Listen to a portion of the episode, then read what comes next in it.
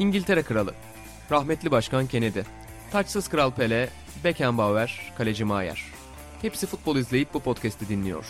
Sokrates FC, denemesi bedava.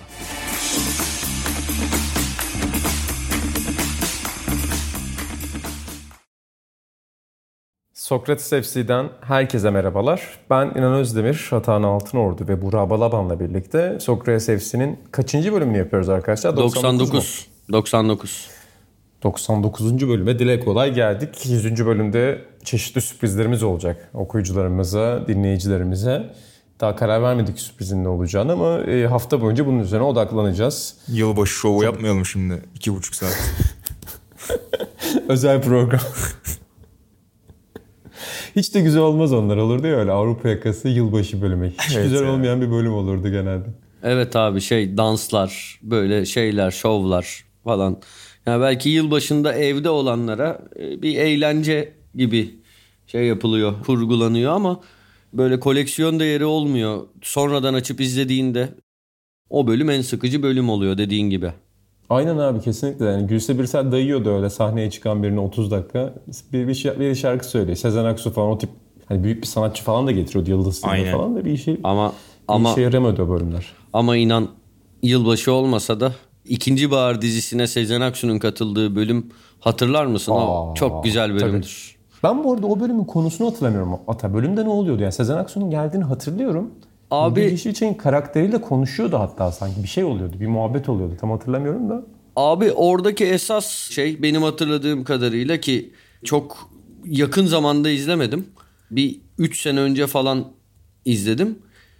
Tam o sırada Rakkas mıydı şey diğer kebapçı? Neydi? Ra- rakip kebapçı. Hı hı.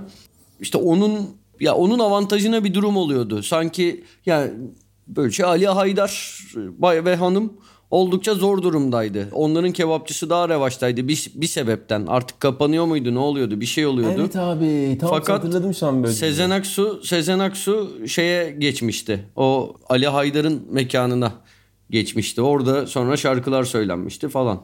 Benim hatırla aklımda öyle kalmış. Yok abi doğru doğru hatırlıyorsun. Sen hakikaten öyle olmuştu. Gerçekten güzel hatırladın. Şu anda duygulandırdın beni. O zaman Sokrates FC'nin 100. bölümüne bir parti düzenliyoruz. Hep beraber Ali Haydar'da dinleyicilerimizle rakı sofrasında e, spor asla konuşmayacağız. Şarkılar söyleyeceğiz. Minik bir fasıl yapacağız. Ben zaten hiçbir zaman spor konuştuğumuzu hatırlamıyorum. spor konuşmamız gereken yerler dışında. Yani konu gelmiyor or- oraya genelde. Japonya sineması konuşulur genelde. Olduğu rakılarda. Merak eden sorabilir.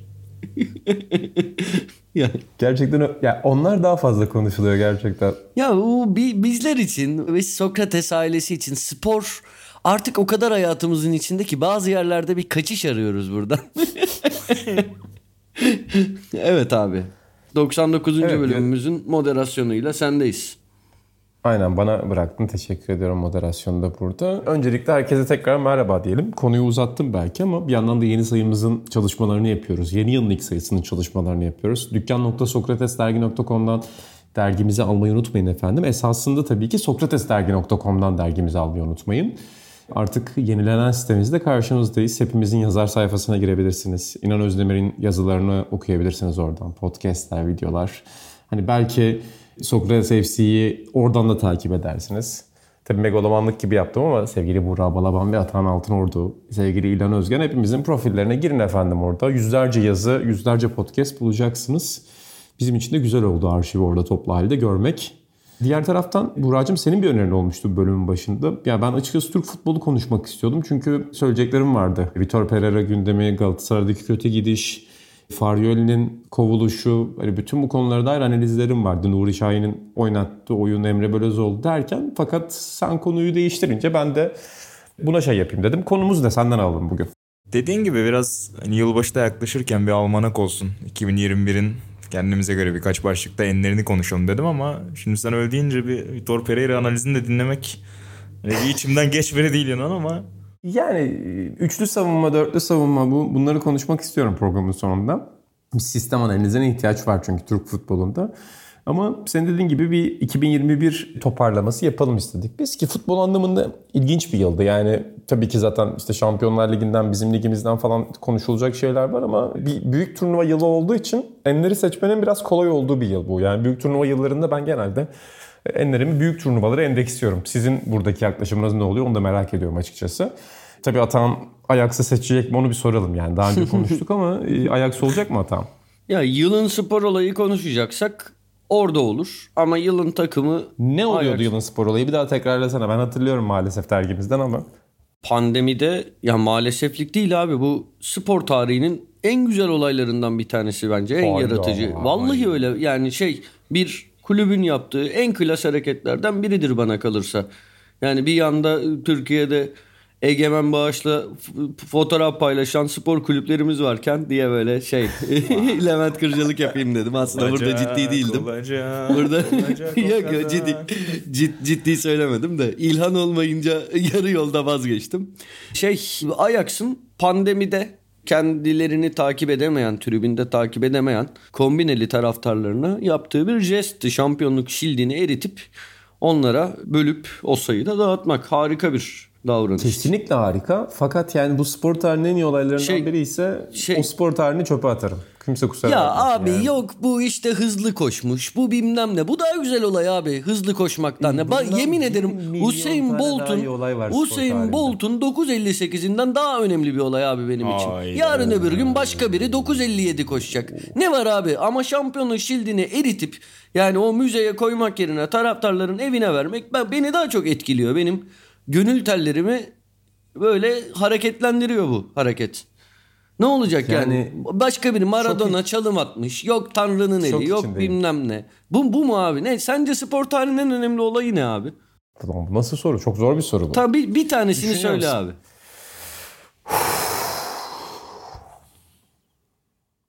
Çok zor bir soru. Bak ben bir tanesini söyledim abi o kadar da zor değil. Hadi buyur. Şöyle Nerede? spor tarihinin en önemli olmayan olayını biliyorum. Yani Ajax'ın çifti eritip taraftarlarına vermesi spor tarihinin en önemli olmayan olayı. Yani en önemli olmayan 500 olayından biri kesinlikle. Yani siyasi tarafla insanlara dokunmasını düşüneceksek belki hani Mandela 94 Güney Afrika olabilir. Spor olayı Ya, olarak. ş- tabii ya, o da olabilir kesinlikle Buğra ama beni etkilememişti o da. 94 Tabii. yılımı hatırlıyorum. Başka meselelerle uğraşıyordum 94'te. Mama. Yoksa çok haklısın genel olarak. Ya tabii hangi coğrafyada olduğuna da göre değişiyor tabii ki. Yani, yani Ata öyle bir soru sordun ki. Bizi bitirdi abi. Program Ulan kilitlendi. yani, yani düşünüyorum. yani şey olabilir mesela işte bu John Carlos'un falan bu yumruğu mesela bu da spor tarihinin önemli olaylarından Abi biri. kesin. Smith'in, Yani Carlos'un. öyle, öyle şey öyle şeyden bahsedeceksen yani zaten Muhammed Ali'nin bütün kariyeri Muhammed Ali'nin herhangi bir büyük dövüşünü koyarsın. Michael Jordan'ın son şutunu koyarsın. Hani bin tane öyle olay verirsin. Benim için sorusunu sorduğun için söylüyorum. Ekran başında olduğum bir şey olması lazım. Hani küçükken bana bunu sorsan Lance Armstrong derdim. Ama maalesef sonrasında çeşitli kimyasallar girdi aramıza ki o dönemde giriyormuş. Onu fark edememiştik o dönem. Çok zor ya. Yani bu bu podcast'in geri kalanında ben konuşmayacağım. biraz bunu düşüneceğim. Buğra senin aklına geliyor mu? Bence spor tarihinin en önemli olaylarından biri şudur diyebileceğim bir şey var mı? Direkt Ajax değil. Abi evet yani bir şey diyemem. Ne diyeyim şimdi öyle bir yerden girdin ki. O zaman biz 2001 şey 2021 yılı tarihinin en önemli olaylarını konuşmaya başlayalım. Evet yani şöyle peki bir soru daha o zaman 2021'e gelmeden. Kendi spor kariyerinizdeki en önemli an. Abi ben Spor kariyeri derken bir kariyer yok ortada da hiçbirimizde. Hani spor çabamızdaki en önemli an. yani benim var da burada anlatmışımdır belki ya. Kısaca bir, bir cümle. Galiba anlattın ya. Ya işte- Evet anlattım. Ben ya bu lise Ha, lisedeki Anadolu. Evet Velilerin lisedeki. alkışladığı o değil mi? Evet de ondan önemlisi hani ya neyse boş ver. O, o maç o maçta yaptıklarım benim spor hayatımın en önemli olayı odur. Doğru bak o güzel bir olaydı. Buğram Benim ilk aklıma gelenlerden biri Sokrates'te çıktığım ilk halı sahada Eurospor'da 5 gol atışım. Başka da bir daha 5 gol atmadım zaten kariyerimde. yani Yani o enteresan maçtı. O gün futbolu bıraksan bir daha oynamasan Ben bugün hala her podcast, her yayında senin futbolunu anlatıyorum. Bu bana şeyi hatırlattı Atan. Senle 2018 Dünya Kupası'nda e, ki o zaman mıydı? 2016 mıydı Dünya Kupası? Şimdi hatırlamıyorum hangisi olduğunu. Ben o tarihleri bazen karıştırıyorum. 18, 18. Tiyatro Kolektif'te FIFA oynamıştık seninle. 5-1 yenmiştim seni galiba. 5-1 ya da 5-0. Belçika Arjantin olması lazım. Böyle araya paslarla öldürmüştüm senin takımı. Fakat sonra sen benden rövanş istedin. Ki ben de maalesef oyun oynamaya o anlamlarda dolam- doyamayan bir oyuncuyum. Ki Emre Atasoy vardı. Tam sırtımıza Emre Atasoy gelmişti. Sen 5-1 yenilirken sana dalga geçiyordun. Abi sonra sen beni 5-1 mi 6-2 mi ne yendin? Ya o gün gerçekten hayatımda yaptığım en büyük hatalardan biri. Ya spor kariyerimin en güzel anlarından birini heba ettim maalesef. e, Atağına verdim bu ikinci fırsatla birlikte. Valla İnan Özdemir burada e-sporu bir spor dalı olarak gördüğünü bir kere de bu şekilde ifade etmiş oldu. Yok bir kere iki, iki- aynı maç içinde iki tane frikik golü atmıştım abi. Onu hiç unutmam. Ki ben frikiklere şey vuruyordum. Üstle vuruyordum. Barajın altından iki tane gol atmıştım. Barajın zıpladığı bir maçta. Kuman gibi vuruyordum topa. O da benim hayatımın en şey anıdır. Karizmatik spor anıdır. Açıkça söylemek gerekirse. O zaman artık gerçek sporculardan bahsetme vakti. Bizim bu etkileyici spor kariyerlerimizi bir kenara bırakıp size bir soru soruyorum. Karışık soracağım size. 2021'in en iyi golü nedir? Sizi dinleyelim. Burak senden başlayalım. Ben şeye baktım. Puşkaş adaylarına baktım. Bir kısa liste olsun elimde diye ve onun üzerinden e, seçimi yaptım. Çok güzel goller var. İkisinin arasında kaldım. Biri Mehdi Taremi'nin golü. Porto'nun. Chelsea'ye böyle bir, çok güzel bir rövaşatası var. Rövaşata mı, voley mi demek lazım. Ben bir rövaşata ama tam böyle şey de değil. Açılı izleyince anlayacaktır dinleyenler. O çok hoşuma gitti. Bir de Caroline Wire'ın İskoç City'li golcünün harika Aşırtma başlatması var. Evet, aynen öyle. Abi o acayip gol. Ben de onu bugün Puşkaş değil başka bir videoda gördüm 2021'in en iyi golleri arasında. Hakikaten acayip bir gol o da. Acayip. O da işte İngiltere Kadınlar Ligi'nde atıyor. Süper Lig'de Manchester United'da ama ya orada düşünmesi büyük iş hakikaten. Ben ikisini seçeceğim. Ben daha klasiklerden gidiyorum. Patrick Schick'in yani tekrar golleri izlerken İskoçya'ya attığı gol. Tamam o gollerde kaleci hatası da var. Hani orta sahadan vurulan gollerde.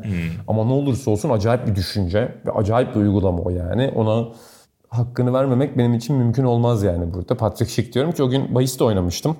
Çekya İskoçya maçına. Yayına giderken heyecanlıydım o yüzden. Galiba ilk yarı bahsi oynamıştım. O golün de ilk yarıda olması lazım. Finansal anlamda da beni mutlu eden bir goldü. Patrick Schick'in golü. Diğer taraftan da Erik Lamela'nın Arsenal'e attığı gol. Sevgili Orkun Çolakoğlu anlatıyordu onu da. Hatta sonra Sadakatsiz dizisinde Cansu Deren'in oğlunu canlandıran sevimsiz karakterin e, dizi içerisinde o golü izlediğini gördük. E, Orkun'un sesini Sadakatsiz'de duymuştuk. Heyecan verici bir anda. Hem Lamela'nın golü hem Sadakatsiz'de Orkun'un sesini duymak iki tane heyecan verici anda. Ben bunları seçiyorum. Ben sanki o orta saha golü ikinci yarıydı gibi hatırlıyorum Şik'in ama emin olamadım. Hem ilk Hayda. yarıda hem ikinci yarıda golü vardı çünkü inan sen de haklı olabilirsin. Ama Ha, bir kornerden gol attı. Belki onu ilk yarıda atmıştır. Ha, sallıyor da olabilirim şimdi. ama sonuçta Yalan Şik senin söylüyorsan- kuponunu getirdi o yüzden öyle Aynen. hatırlamak mantıklı o günü. Buğram Taremi'nin bir dönem Rize Spor'da yani Rize Spor'a transfer olduğunu hatırlıyor musun? Yani geldi hiç oynamadı falan ama biliyor musun Net bunu? hatırlamıyorum valla. Benim çocukluk kahramanımdı o. Taremi mi? Ben de Taremi'yi izleyerek büyüdüm abi. Mehdi Hoca. Benim gollerim sizden farklı. E, Hatta ben yani Şik'in golünü o kadar da yani bu adaylar arasında ben çok görmüyorum. Hani böyle ya hayır görmüyorum derken hani tabii ki mükemmel bir gol ama buna benzer bir sürü gol izliyoruz bence. Yani uzaktan şey bilmiyorum. Hani böyle çok gol var. Kaleci açılmıştı kalesinden. Hani çok iyi vurdu. Ama hani yılın golü diyemem ben. Öncelikle onu söyleyeyim. Eleyerek gidiyor ata. Yani t- şeyin golü, Taremi'nin golü çok güzeldi. İşte bu şeyi tanımıyorum. Caroline neyse. Onun da golünü yani çok güzel buluyorum ama burada biraz da pozitif ayrımcılık yaptığını düşünüyorum. Benim bu yıl gördüğüm en güzel iki gol şunlar. Biri, biri ben de iki işte aday arasında kaldım. Amir'in e, Eintracht Frankfurt'a attığı gol. Acaba ben Puşkaş adaylarına bakmadım. Siz bu goller var mıdır? Yani bu gol Puşkaş adayları arasında var mıdır? Leverkusenli Amir'in golü. Vallahi bilmiyorum. Buğra belki biliyordur. Ben Puşkaş'a bakmadım. Yok orada yok. Yani onu bir tavsiye ederim. Bir de hani yoksa Puşkaş'ın ayıbıdır. Burada Macar futbol efsanesine yapılmış bir ayıptır. Bence Platense San Lorenzo maçında yani bir Arjantin Süper Liga maçında Rojas'ın attığı gol. Yani bayağı hani hatta en önde bunu görüyorum diyebilirim. Ama şimdi siz bu golleri bilmiyorsanız buna ne diyebileceğimi bilmiyorum. Yani Aynen şov yapıyorsun şu an. Hayır, Ay- şov ayıptır yapmıyorum. Gerçekten şov yapmıyorum. Böyle Helal olsun çok güzel bir orta geliyor abi şeyden sağ kanattan. Tam ceza yayının ortasında göğsüyle kontrol ediyor Rojas. Sonra yani öyle bir yatıyor ki röveşata diyeceğim ama böyle voleyle karışık bir şey. Tam röveşata değil. Yani muhteşem bir gol. Ben size bu golü izletme imkanım olsaydı şu anda sizin de benimle hemfikir olacağınız kanaatindeyim. Benim adaylarım bunlar. Programdan Valla çıkınca. güzel tercihler çıktı. Herkesten farklı bir tercih çıkmasını beklemiyordum ben. o yüzden de bir yandan da etkileyici tabii. Bunu geçmeden Şik'in golünde en beğendiğim kısmın öncesindeki adımlaması olduğunu söyleyeyim. Ben o golcülerin o ek adımları yap şeyine çok bayılıyorum. İşte volelerden önce falan da işte Papen videosu yaptık şimdi ilanla. Bu podcast çıktığında muhtemelen o da yayınlanır. Orada da çok konuştuk. Hakikaten o çok önemli yani onu sezip hele Şik'inkinde yani orada 45-50 metreden vurulan bir vuruşta. Beni etkiledi o adımlama. Katılıyorum. Peki Atağına bir sorun var burada. Bu seçtiğin iki gol mü? Yoksa Ajax'ın hikayesi mi? Hala Ajax diyorsun. Abi seçtiğim iki gol spor olayı değil. Yani futbol sahalarında yani güzel gol çok fazla oldu abi. Bunlar 2021'in en güzel gollerini seçtim ama bunlar benim hayatımda gördüğüm en güzel goller değiller. Anladım. Ama İlk yüze girmezler hatta. ya ilk yüze belki girerler ya. O kadar da fazla yıl geçirmedim bu dünyada. Dolayısıyla e, ilk yüze sokabilirim. Bu arada Lamela'nın golü de çok güzeldi hakikaten. Sevgili İnan. Abi Lamela'nın golünde golü önce anlamak çok zor. Yani nasıl attın? Önce bir normal vurdu diye düşünebiliyorsun biraz uzaktan izlersen. Ben onun anlatımından az önce bahsettim ya orada onu söylememin sebeplerinden biri de o. Yani bazen işte maç anlattığımız ekranlar o kadar büyük olmuyor mesela. Orada bir kaçırsan abi o golü herifin hakikaten topukla attığını. Yani ters ayakla vuruyor gibi falan düşünebilirsin. Dışta vuruyor gibi düşünebilirsin. Biraz garip bir gol. Yani izlerken de ben önce ya burada ne oluyor diye bir baktığım için de çok etkilendim o golden. Gerçekten çok sıra dışı bir andı. Öyle gollerin düşünülmesi tabii insanı öncelikle etkiliyor her şeyden önce. Karışık sormaya devam ediyorum o zaman. Hazır Ya mısınız? bence düşünmeyecek bir şey yok abi. Kaleci açılmış bayağı. Kalesinden uzak. Yani olur geçenlerde Yok de öyle gol Şik'ten oldu. bahsetmiyorum. Lamela'dan Ha. Lamela'dan pardon özür dilerim. Ben bir an seni yanlış anladım. Halbuki çok açık Özür konuşmuştum. dilemen çok yerinde oldu. Bu arada geçtiğimiz günlerde Van Spor İnegöl, İnegöl Spor maçında atılan golü gördünüz mü? Yok hayır. Görmedim. Belki hani sosyal medyada karşınıza çıkmıştır. Yoksa ben de Van Spor'u ve İnegöl Spor'u her hafta takip eden biri değilim. Ama çocukluğumda Van Spor'u her hafta takip ettim. Sonra o sene birinci lige çıktılar. Neyse Evet açık kanalda yayınlanıyordu Van Spor. Evet, Süper Lig'e TRT'de. Şey, Türkiye değil mi? TRT'de ben bir Van Spor sevdalısıydım abi. Van Spor'un lige ilk çıktığı yıl. Çıktıklarında hatta hem Van Spor'un hem Erzurumspor'un o dönemki adıyla ve olması gereken adıyla Türkiye 1. Futbol Ligi'nde çıktıkları ilk yıl şampiyon olacaklarını falan düşünüyordum ama çok ol- olmadılar. Peki Atan şöyle bir şey var mıydı? Galatasaray bunlardan biriyle Türkiye Kupası'nda eşleşip karlı bir deplasman maçı oynamış mıydı böyle kırmızı toplu falan 94-95 civarı ya da ben uyduruyor muyum? 94-95 civarı değil ama Galatasaray'la Erzurumspor'un bir şeyi var. Karlı Türkiye Kupası maçı var. Bence hatta 2000 Ha, daha sonra. gibi düşünüyorum ben. Ama Ben sanki daha daha küçükken böyle Van Spor'la Galatasaray'la acayip bir eşleşme hatırlıyorum ama şimdi belki hatırlayanlar olur ya da biz soru kontrol ederiz. Yani- Ee, sallıyorsam da yapacak bir şey yok. ben şey diye düşünüyorum. Hatta sanki Marsio'nun gol attığı bir Galatasaray Erzurumspor maçı varmış gibi geliyor bana. 2000-2001 Olabilir. ya da 99-2000 sezonunda. Ee, ama e, ben de tabii %100 emin konuşamadım burada. Hafızasına Peki- güvenemedi bu seferlik. Peki size bir sorum var. 2021'de izlediğiniz en iyi futbol maçı. Ben, e, ben bir şey söyleyecektim. Van Spor kendi ceza sahasından gol attı. Onu bir sözlerime eklemek isterim. Bu kadar. Onu bir O- kayıtlara geçireyim o- diyorsun. evet o kadar başladık. Van Spor'a nereden bağlandık? Hani olmasın. Van Spor nereden çıktı şimdi olmasın diye söyleyeyim dedim. En iyi maçlarınızı bekliyorum. Ben Bayern Paris Saint Germain diyeceğim. Benim ilk aklımda canlanan oydu. O yüzden ekstra çalışıp söylemek istemedim bunu. Hatırlayacaksınız Bayern'in böyle 30 şut falan çektiği ama Paris Saint Germain'in kontralardan vurup 3-2 kazandığı maç. Mbappe'nin 2 gol attığı. Hatta bir, bir podcast'te uzun uzun da konuşmuştuk diye hatırlıyorum. Doğru. Cidden çok güzel maçtı. Doğru söylüyorsun evet. Benim en böyle aklımda kalan maçı oldu. Ben yine Euro'dan gideceğim ama Atahan'ı bırakayım burada tercih önce. Lütfen lütfen devam et. Yani Fransa-İsviçre maçı ve Portekiz-Almanya maçı. Ben iki tane Euro'dan maç seçmiş olayım burada. Yani atıyorum böyle İtalya, İspanya falan da çok kaliteliydi. Yani belki daha kaliteli futbol maçlarıydı ama böyle bol gollü, özellikle Portekiz, Almanya biraz sakar gollerin olduğu maçtı. Yani çok güzel goller atıldı ama arka direğe atılan bütün toplar gol olmuştu. O açıdan çok etkileyici bir maçtı. Fransa-İsviçre maçı da gitgelleriyle. Yani yılın en iyi gollerinden biri atıldı. Orada Pogba'nın golü inanılmazdı ama yani İsviçre'nin geri dönüşü, Fransa'nın işte bir şekilde çok rahat götürebileceğini düşündüğü bu maçın kaosa girmesi falan filan derken çok etkileyici bir maçtı. Yine Danimarka'nın grupta Rusya'ya mı fark attığı maç? O maç da çok güzeldi gerçekten. Yani atmosfer. 2021'de bir maçı izlerken en mutlu olduğum anlardan biriydi. Zaten Danimarka'yı izlemek en mutluluk verici anlardan biriydi. Bu, bu goller, bu, bu takımlar, bu maçlar benim için unutulmazdı. Ben ofiste izlemiştim Almanya-Portekiz maçını.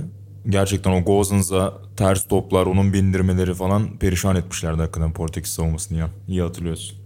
Bana geçtik sanırım. Lütfen. Aynen.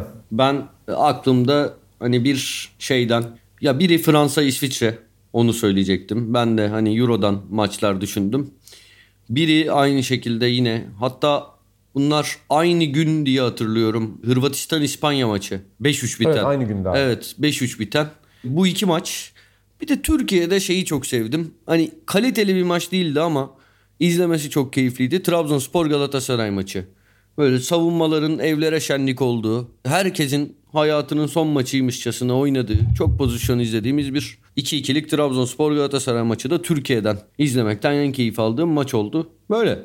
Katılıyorum buna. Şeyi de hatırlıyorum. Orta sahaların, yani sen şeyi seversin hata. Böyle biraz orta sahaların kaybolduğu, hani iki tarafında çok rahat bir şekilde rakip kaleye gitti, varını yoğunu ortaya koyduğu, bir şekilde risk alarak, taviz vererek ucuma çıktığı maçları tam o, o tip bir maçta. Evet kesinlikle. Ya bu arada biraz şey de öyleydi. Ya, o Hırvatistan İspanya maçı da bir yerden sonra ona bağlamıştı. Tabii.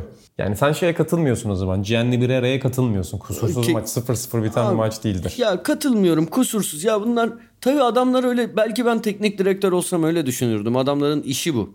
Yani hata sonuçta futbol ne? Birera ama şey yani me- medya tarafında bunu söylüyor. Diyor ki en kusursuz maç bir yazar olarak yani Ya kendi gözünde yok, diyor yok. ki en kusursuz maç 0-0'dır. Kızıyor hatta gol atanlara. Kızıyor mu gol atanlara? K- kızma kısmında çok- abartıya kaçmış. Şö-. Ben- yani ya Allah akıl fikir versin diyecektim ama bir yandan güzel şov ya. Güzel şov. Güzel şov bulmuş yapıyor abimiz. Kendisini hani bir yandan tebrik ederim ama asla katılmıyorum. Yani bu, bu iş kardeşim bu iş eğlence ya. Futbol bir eğlencedir. Yani o 0-0 biten maçta nadiren eğlence olur. Bazı 0-0 maçlar çok güzeldir tabii. Ama nadir bir gün bir gün onu da konuşalım. Ha 0-0 biten en güzel maçları da konuşalım. Bu da bir konudur. Güzel bir konseptmiş. Evet ama goldür, şuttur, kurtarıştır. Futbol budur ya. Peki futbol budur demişken bu yılın en iyi oyuncusu. Ya ben biraz Plase bir isim seçeceğim. Yani Plase demek artık haksızlık olacak tabii ama yine de bu süper süper yıldızlardan biri değil. Dušan Vlahović diyeceğim. Çünkü hani takvim yılı olarak bakınca e, biliyorsunuz rekoru egale etti. Cristiano Ronaldo'nun 33 lig golü rekorunu bir takvim senesindeki. Acayip bir adam. Yani Fiorentina'da oynuyor izlemeyenler için Serie A'yı. Ve şey değil yani sadece bitirici tipte bir golcü değil. Oyun içine katılımı, takım arkadaşlarına alışı, dağıtışı, fiziği çok çok çok beğeniyorum. Zaten transfer iddiaları da hem devre arası için hem sene sonu için epey konuşuluyor. Sırp Yıldız için. Nereyle anılıyor? Ya Tottenham işte Levi çeki çıkardı işte doldurmaya başladı falan gibi haberler var İngiliz basınında. İşte Manchester düşünebilir deniyor. Hani Arsenal, Aubameyang işte da işte kriz var. Arsenal Otto Vlahovic'i izliyor. Hani bir sürü biliyorsun Premier Lig'de her takıma yazılır böyle genç adamlar. e, iyi iş çıkaranlar. Vlahovic için de öyle isimler geçiyor. Eli kulağında diyelim yani şimdi olmasa da sene sonunda muhtemelen çok büyük bir e, kulübe gidecek ya İtalya'da ya İngiltere'de. Çok özel oyuncu. Çok hipster bir tercih geldi buradan. Saygı duyuyorum bir yandan hipster tercihine. Atan sende kim var? Yani özetlerden izliyorum. Vlahovic tercihine Buğra'nın laf edemedim. Laf etmek isterdim hani derdim ki Ya, ya Senior'la Serie A konuşuyorsunuz diye hemen Vlahovic'ler, Mlahovic'ler falan demek isterdim ama hak veriyorum hani. Özetlerden genellikle izlediğim kadarıyla buraya yakışan bir tercih. Ama tabii şey de olabilir. 2 sene önce, 3 sene önce Piontek'in yaptığı tarz bir çıkış da olabilir. Zaman lazım görmek için. Benim cevabım dümdüz bir cevap. Zaten adama Ballon d'Or da vermediler. Gittiler Messi'ye verdiler. Bari biz burada Lewandowski diyelim. Hani benim dümdüz sebeplerini açıklamaya gerek yok. Ama hani bir plase tercihi yapacak olsam ki o da hani çok plase bir isim sayılmaz. Sadece bu listelerde çok fazla adı geçmiyor diye. Ben Kante derdim yine. Oo. derdim yani bu sene ilk kez Kante'yi tanısaydık o Leicester'daki sezonu var ya. O sene bu sene olsaydı. Hani bu bu yıl tanısaydık adamı daha çok adı geçerdi. Çünkü hala o performansta hani Chelsea'de böyle dolu dizgin yoluna devam ederken iki senedir bunda aslan paylarından biri ona ait diye düşünüyorum. Yani daimi bir hipster tercihi o. Sen çok seversin N'Golo Kante'yi. Zaten Jorginho diyenler de çok vardı. Daha önce Evet, konuşmuştuk. evet. Ballon d'Or üzerinden konuşmuştuk. E, Ben de Lewandowski diyeceğim. Yani ben de burada çok bir maceram yok. Sadece ben biraz sıkılıyorum. Yani bu yılın en iyi oyuncularına biraz bakarken sıkıldım abi açıkçası. Çünkü yani çok net bir tercih veremedim. Takvim yılı bir de olduğu için için içinde atıyorum. Yani Lukaku'nun bir yarımını alıyorsun. işte Lewandowski'nin bir işte şeyini alıyorsun. Salah mesela şu anda bence en formda oyuncu dünya üzerinde. Hani Salah'ı alabilirim ama onun geçen sezon tabii biraz dışarıda bırakılabilir. Manchester City'den birini almak zor. Hani inanılmaz bir sezon geçirdiler Premier Lig bazında ki hala buna devam ediyorlar. Acayip bir takvim yılı geçiriyorlar Premier Lig'de ama tek bir oyuncu saymak çok zor. Raheem Sterling Euro'ya damga vurdu. Belki de Euro'nun en iyi, en etkileyici oyuncularından biriydi ama kulüp takımında City'de o başrolünü kaybetti. Biraz böyle garip bir takvim yılı o anlamda. O yüzden ben çok macera aramadan Lewandowski diyeceğim. Salah da olabilir hakikaten. Yani hakikaten Lewandowski'den hani benim seçimimden de herhangi birinizin seçiminden de çok uzak değil. E Ama neden hiç Messi'nin adını geçirmiyoruz? Çünkü çünkü değil. Çünkü bize bunu alıştırdı. hayır. hayır değil. Değil abi. Yılın en iyi oyuncusu Messi değil. O yüzden. Onu vurgulamak istedim. Ya ben yılın en iyi oyuncusu olmayabileceğini de düşünüyorum herhangi bir insanın bu sene. Yani bu sene de o olmayabilir yani ama birini seçeceksek bunlar. Bu arada Messi de net bir şekilde ilk 5'te sayılır abi. İlk 3'te de sayılır hatta. Hatta ilk 2'de de sayılabilir açık söylemek gerekirse. Bence sayılmaz abi. Yani burada. Haaland'ı var, işte Salah'ı var, Lewandowski'si var. Yani ne bileyim. İlk üçte sayılmaz. Belki dördüncü, beşinci olur. Peki antrenörde kim alıyorsunuz?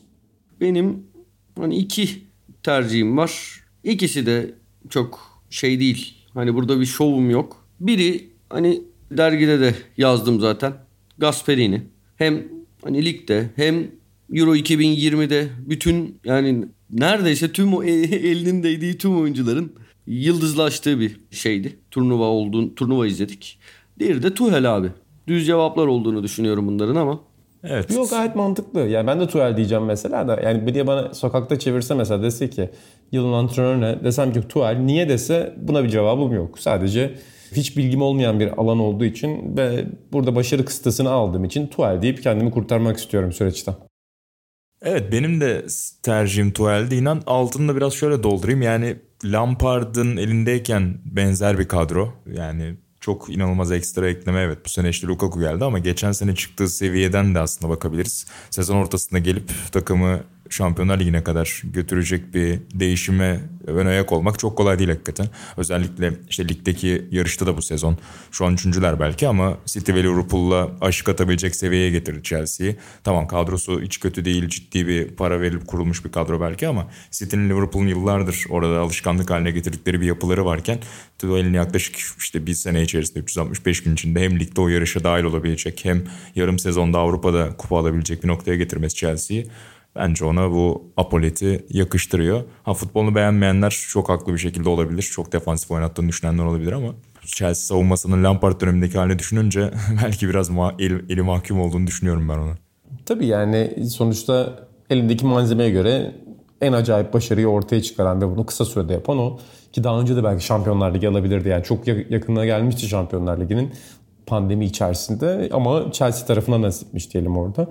E diğer taraftan Gasperini'yi zaten daha önce konuşmuştuk. Çok sıkça konuştuk. Onun oyununa olan hayranlığını Atan hep burada defalarca belirtiyor. Yani yine çok bariz seçimler işte Guardiola, Klopp gibi seçimler tabii ki kupalarla birlikte çok endeksli ama onlardan bir adım daha öne koyabiliriz. Yarım adım daha öne koyabiliriz. Zaten Liverpool için iyi bir takvim yılı değildi o anlamda. Takımda ne diyorsunuz? Takım biraz benim kafamı karıştırdı. Ben senin seveceğin bir adayım var inan. Lil. Aynen öyle. Oo. Abi çok büyük iş ya. Yani hani işte Avrupa Şampiyonası girdi araya. Yeni sezon başladı biraz sanki çok apar topar geçildi Lille'in şampiyonu. Çok sindiremedik ama yani ne olursa olsun o ligde Paris Saint Germain'e karşı bu yarışı kazanabilmek acayip bir iş ya. Katılıyorum. Yani yeni sezon içerisinde takımın dalgalandığını gördük belki ama gerçekten sezonun en büyük futbol hikayelerinden biriydi. Yani 10 sene önce de Lille bunu yaptığı için aslında Lille'in genlerinde olan bir şey. Yani çok öyle müthiş gelenek haline getirdikleri bir şey değil belki ama 10 senede ikinci kez almış oldular neticede. Bu da çok önemli bir şey. O hegemonya içerisinde kendilerini hep gösterdiler. Katılıyorum burada. Yani zaten bugün işte Guardian'ın listesi vardı. Hmm. En iyi 100 oyuncuyu seçmişler. Belki bir bölümde konuşuruz sonra. İlk onu seçmemişler. Daha tartışacak kısım yoktu o yüzden. Ama mesela Burak Yılmaz vardı. Burak Yılmaz da kesinlikle sezonun en büyük futbol hikayelerinden birini yazdı. Özellikle de yani birkaç geri dönüşü, birkaç son dakikası var ki Lille'in ipten aldığı çok fazla maç oldu sezon içerisinde. O yüzden Lille'i de net bir şekilde en iyi takım adayları arasında alırız. Ben Manchester City diyeceğim çünkü hem Premier Ligi aldılar. Belki tamam Şampiyonlar Ligi'nde istediklerini alamadılar. Sonuna getiremediler çok yaklaşıp. E, fakat ne olursa olsun inanılmaz bir takvim yılı geçirdiler onlar da. E, ben Manchester City'yi burada söyleyeceğim. Yani ben karar veremiyorum buna ya. Ne sizin cevaplarınıza itiraz edebiliyorum. Yani yine dümdüz bir İtalya var. Ne evet, olursa ben olsun. onu da söyleyecektim şimdi. Danimarka da var bu arada. Hani beklentilerin çok çok üstüne çıkan ve hani hücumda Eriksen'e bağlı denilen takımın Eriksen'in turnuvanın başında yaşadığı sakatlıktan sonra yarı finale çıkıp yani uzatmalarda ancak elenmesi İngiltere'ye belki şampiyon bile olabilirdi. Danimarka var. Ya şimdi şey tabii ki dünyada yılın takımı demeyeceğim ama takvim yılına bakarsan Ajax'ın inanılmaz bir takvim yılı. Yani City gibi bir galibiyet oranı var onun da. Hatta daha fazla olabilir öyle tahmin ediyorum daha fazladır. Avrupa'da da bu sezon Şampiyonlar Ligi'nde biliyorsunuz zaten gözümüzün önünde Beşiktaş'la aynı gruptalardı. Sporting Dortmund Beşiktaş grubundan 18 puanla çıktılar. Ama hani tabi burada böyle bir plase cevap olarak adı geçebilir. Yani böyle %100 karar veremedim ben de. Peki bir Şampiyonlar Ligi gelir mi Ajax'ına? Ya Var mı iddianız? Abi olabilir bence. Yani olmayacak şey değil. Canavar gibi top oynuyor Ajax. Yani bir, biliyorsun birkaç yıl önce oluyordu. Evet biz sayıyı Ajax üzerine kurana kadar aslında Ajax Şampiyonlar Ligi'ni almaya doğru çok yakındı. kesinlikle, kesinlikle.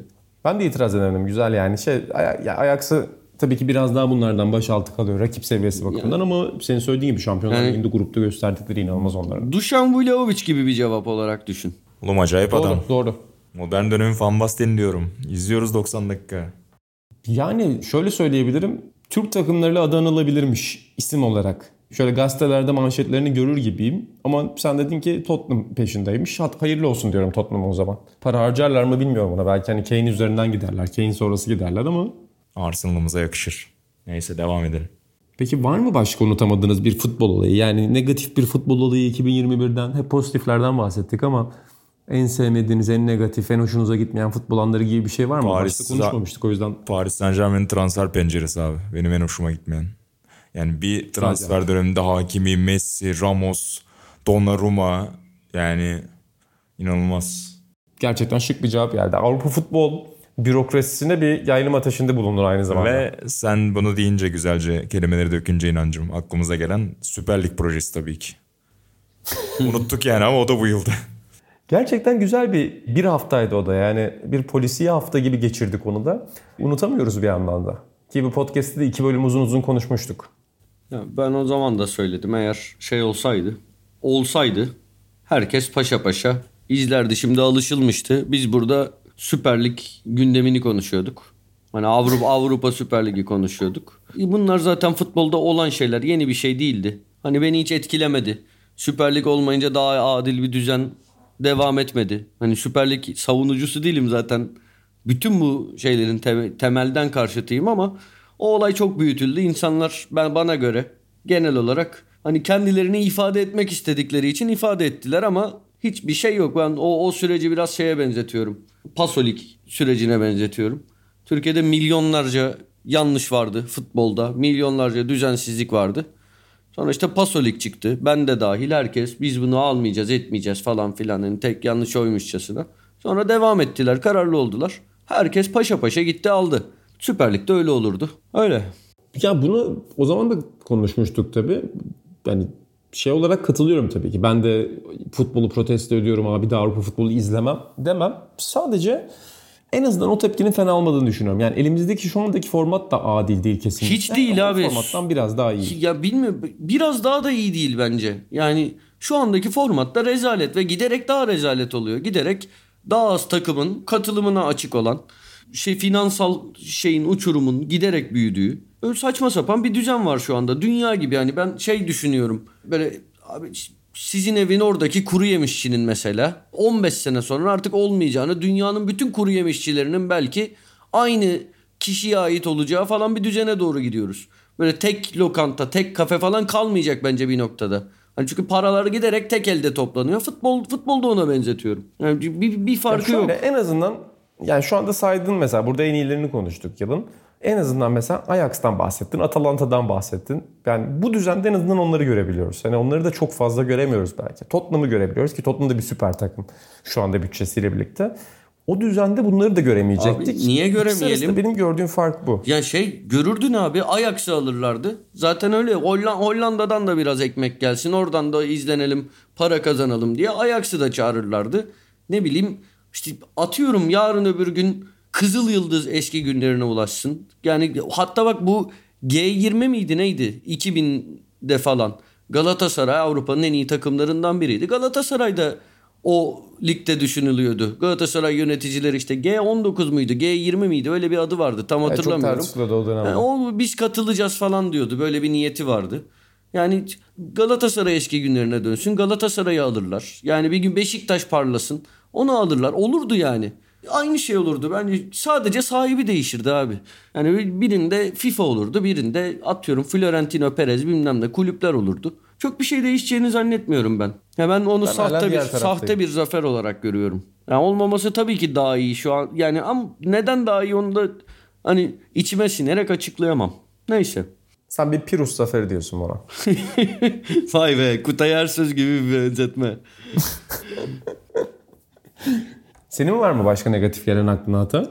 Ya abi Ya halı sahadaki o futbola küstüğün gün mesela senin için negatifti. ya onu tabii işin şakası da ciddi boyutta ya bilmiyorum ben galiba negatifliğe alış negatif gelişmelere alıştım abi. Aklımda çok kalmamış. Bende iyi şeyler daha çok kalıyor aklımda. Hani benim bilmiyorum Türkiye'de Türkiye'de yaşamanın mı bir şeyi deformasyonun bir sonucu mu bilmiyorum ama ben böyle her şeyden beklentimi düşürdüm hayatta. Gelişmelerden, ülkeden, insanlardan. Genellikle hani yeni tanıştığım insanlara önce ya bu %99 geri zekalıdır gözüyle bakıyorum. Düzgün bir adam çıkarsa böyle sürpriz oluyor. Seviniyorum. Ya da kabadır diye bakıyorsun değil mi? Ya- %99 kaba bir insandır. Ya, niye öyle bir çok benim hassasiyetim yok. Hani ka- ne Yok şey anlamında söyledim. Ya ben de mesela onu düşünüyorum. Yani genelde bunun hani çok modernlikle şunla bir modern zamanlarla falan ilgisi olmadığını düşünmekle birlikte e, insanların çoğu Ha, tabii. Hani ben zekadan ziyade nezaketsizlik üzerinden kuruyorum genelde ilişkiyi. Ya- Hani öyle görüyorum genelde insanların E- çoğunu. evet, evet. Yani nezaket Belki hani çok böyle ilk ilk adımda çok samimi olan bir insan olmadığım için de belki hani insanlar normal gelen şeyleri nezaketsizlik olarak da görüyor olabilirim. O da benim hatam olabilir. Yani herkesi kendim gibi bilmem, mükemmelliyetçiyim ve işe duyduğum saygı, olumsuz özelliklerim. Evet aşırı tevazunun Ama- sonu sözüne gidiyor. Nuri Bilge Ceylan'ın da Ama galiba. Buğra'cığım yani şeyin sonunda atan yürekleri dağladı ya. Beklentilerini asgariye indirmiş insanlardan, ülkeden, hayattan. Dağıttı bizi abi. ya iyi, iyi bir Nasıl şey yok. Yok ya bu bunu böyle yıla? şey Yani Vallahi hani yılbaşına güzel girelim dedik. Yılbaşına güzel girelim dedik. Şu yılbaşı da düşen noter gibi olduk şu anda. Arkadan düştük yani. Yılbaşı planımı iptal ediyorum. Kaydı bitirdikten sonra arayacağım arkadaşları. Atacım hafta arasında geniş bir mailini de aldık Ata Lokantası'ndan. Detayları tabii ki sana burada anlattırmayacağım ama keşke daha olumlu şeyler üzerine uzun uzun mailler yazabilsem. tabii. Biz İnşallah. de onu isterdik. İnşallah o da olur bir gün. Ama bakalım. Bakalım. Yani şöyle bir mail hayal ediyoruz evin köşesindeki kuru yemişçiyi Atan Altın orada aldı. Abi biz bundan 3 ay 3 ay 4 ay önce neyse boş ver ya. Atahan Altınordu'nun işlerini de sıradaki konumuz nedir? Bir plan bir plan yapacaktın galiba. 3-4 ay önce o plan iptal mi oldu son anda? Ya boş ver boş ver. Böyle bu, bu sefer Tamam. başka şeyler konuşalım ya. Futbol, spor konuşalım. Gerçi bitti mi? Süremizin sonuna geldik mi? Bitti bitti aynen sonuna geliyoruz. Ajax'ın o şampiyonluk şiddetini eritip dağıtmasından başladık. Bir süre orada kaldık. Spor tarihinin en iyi anlarını sordu Atan. Kesinlikle aklımıza gelmedi. Çok zor. Spor tarihi çok geniş. Ama sizlerden özellikle 2021'deki en iyi futbol anlarınızı bekliyoruz. En iyi golünüzü, en iyi takımınızı, oyuncunuzu, maçınızı, antrenörünüzü bekliyoruz efendim. En iyi belki an olabilir, en sevmediğiniz an olabilir. Bütün bunları Sokrates Podcast hesabından veya bizim hesaplarımızdan yazabilirsiniz. 100. program içinde güzel bir şeyler düşünüyoruz bakalım. Dörtlü olarak 100. programda sevgili İlhan Özgen'in de katılımıyla muhabbet etmek istiyoruz. Daha önce 50'de yapmıştık farklı bir format. 100 tabii biraz daha zor bir sayı. Ee, Yüzde karar vermek biraz daha zor çünkü sürenin içine bir şey sığdırmak çok zor. Kapatırken sizin söylemek istediğiniz bir şey var mı? Benim var. Uzun zamandır böyle uzaktan podcast yapmıyorduk. Bugün evlerimizden yapıyoruz bu kaydı. Hani bayağı e, bu sezon zaten hiç yapmadık. Ondan önce zaten ara verdik uzun bir süre podcast yapmaya. Sizi görmeden podcast yapmaya olan alışkanlığımı kaybetmişim. Bugün biraz durgun geçti benim için. Öyle bir kusurum olduysa affola. Yok estağfurullah ne kusuru. Yani sen bugün gerek Türkiye eleştirilerine gerek Avrupa eleştirilerini o keskin üslubunla bir kez daha seyircimize çok güzel, dinleyicimize çok güzel mesajlar verdin. Yeni yıla girerken estağfurullah diyelim yani. Buracığım senin var mı bir notun? Keyif aldı, keyif verdi Atan söylediğin gibi. Hiçbir şikayetimiz yok. Not olarak da başta öyle açmıştık. Sokratesdergi.com'u ziyaret edebilirsiniz. Çok güzel oldu site. Bir göz atın Ali bence. Çolak Uğramadıysanız başta olmak bayağıdır. üzere. Evet, Ali Çolak Ali'nin başta de- olmak üzere büyük emekler verildi ve bence de çok güzel sonuç çıktı. Hala Ali hani soruyu ediyor bir şey eksik olursa eksik görürseniz yanlış görürseniz söyleyin düzeltelim diye. Buradan hani bir hata falan görürseniz bizlere de iletebilirsiniz. Düzelir. Var mı Atan eski yazılarından bir tavsiye vermek ister misin? İnanın sana Kemal Yıldırım Caddesi ok- sana, okusunlar mı? Sana yani ben eski yazılarımdan İnan neydi? Leyla Ali miydi? Ben bir İnan Özdemir'in İnan Özdemir'in hayranı olduğum için kendisinin kalemine ciddi burada şaka değil. Kendisinin kalemine bir hayranı olduğum için ömür boyu ben bu adamla yan yana dirsek çürüttüm, çalıştım diye anlatabileceğim bir adamdır İnan Özdemir. Estağfurullah öyle bir şey. İnan Özdemir'e 100 lira karşılığında yazdırdığım Leyla Ali yazısını benim imzamla Sokratesdergi.com'da bulabilirsiniz. İnanılmaz. Şu an bir şey, bir şey söyleyeceğim. Ben yazıyı yazıyı unuttum bu arada abi. Yani tabii sana senden aldığım parayı falan hatırlıyorum ki o dönem kura vurduğun zaman 30 dolar falan almışımdır senden ben. Şimdi bakıyorum abi yazıda neler yazmışız. Leyla Ali miydi acaba? Bir Muhammed Ali diye arattım. Orada da yazılarımız var. Ben şu an Atan, Sevgili- Atan Altınordu'dan baktım da yani şimdi bir Leyla Ali yazısı gördüm. Ben yazmışım gibi geliyor onu. Sanki ben o kadar mı özümsedim bilmiyorum ki. Sanki bunu ben... Nasıl bir giriş cümlesi var Atan? Bir dakika tekrar açayım abi özür dilerim. Tekrar açayım kapatmıştım. Şu an tekrar açıyorum. Vay be gerçekten şeye şaşırdım şu an. Senin yazınla benim yazımı ayırt edemiyorum. Ay, aile bağları başlıklı bir yazı. Acaba abi Hayatını- şöyle, şöyle mi yaptık? Hayatını Yani kayb... seni mi taklit ettim acaba? Bilmiyorum abi ama bunu ben hayatını kaybetmesine kısa bir süre kala Joe Frazier'a Muhammed Ali'yi affettin mi diye soruldu. Yanıtı şöyleydi diye başlıyor. Abi bence bunu ben yazdım. Neyse önemli değil ya. Ben bulurum ve öneririm. İnan Özdemir'in yazdığı ya- Atahan Altınordu imzalı yazıyı bir dahaki podcast'imizde. Yok ben son cümleye baktım abi bu e, hatırladım bu yazıyı. Fotoğrafı da hatırladım şu anda. Bu galiba evet benim yazım buydu galiba. Güzel bir 100 liraydı. Çok teşekkür ediyorum bir kez daha. Çeşitli seferler bunu anlattık zaten programımızda ama bu senin yüce gönüllülüğünü gösterir. Gerektiğinde kendi sayfanı bile insanlara verebilmen cömertliğini gösterir. O yüzden ben bir kez daha teşekkür ediyorum sana. Güzel de bir paraydı. Ben İnan Özdemir, Buğra Balaban ve Atahan Altınordu ile birlikte efendim FC'nin 99. bölümünde karşınızdaydık. Bizi bütün podcast dinlenen mecralardan dinleyip arkadaşlarınıza tavsiye edebilirsiniz. Geçen hafta bölüm yapamamıştık çeşitli teknik sebeplerden dolayı. Ofisimizde bir yenilenme var şu anda. Güzel mesajlar dağıttık. Yani yürüyüşe çıkamayanlar olmuş bizim podcast'i dinleyemediği için, yeni bölüm gelmediği için. Koşusunu ona göre endeksleyenler olmuş. Gerçekten mutlu ediyor bunları görmek. Ben bir mesaj aldım aslında sanki 2-3 mesaj almışım gibi anlattım burada. Ben Fakat birkaç yine de tane aldım ya. Fax Bir ben desem- kilitlendi. 3 sen desem Atan 4 tane olsa çok teşekkür ediyoruz efendim. Yeni bölümlerde görüşmek üzere diyelim. Hoşçakalın. Hoşçakalın. Hoşçakalın.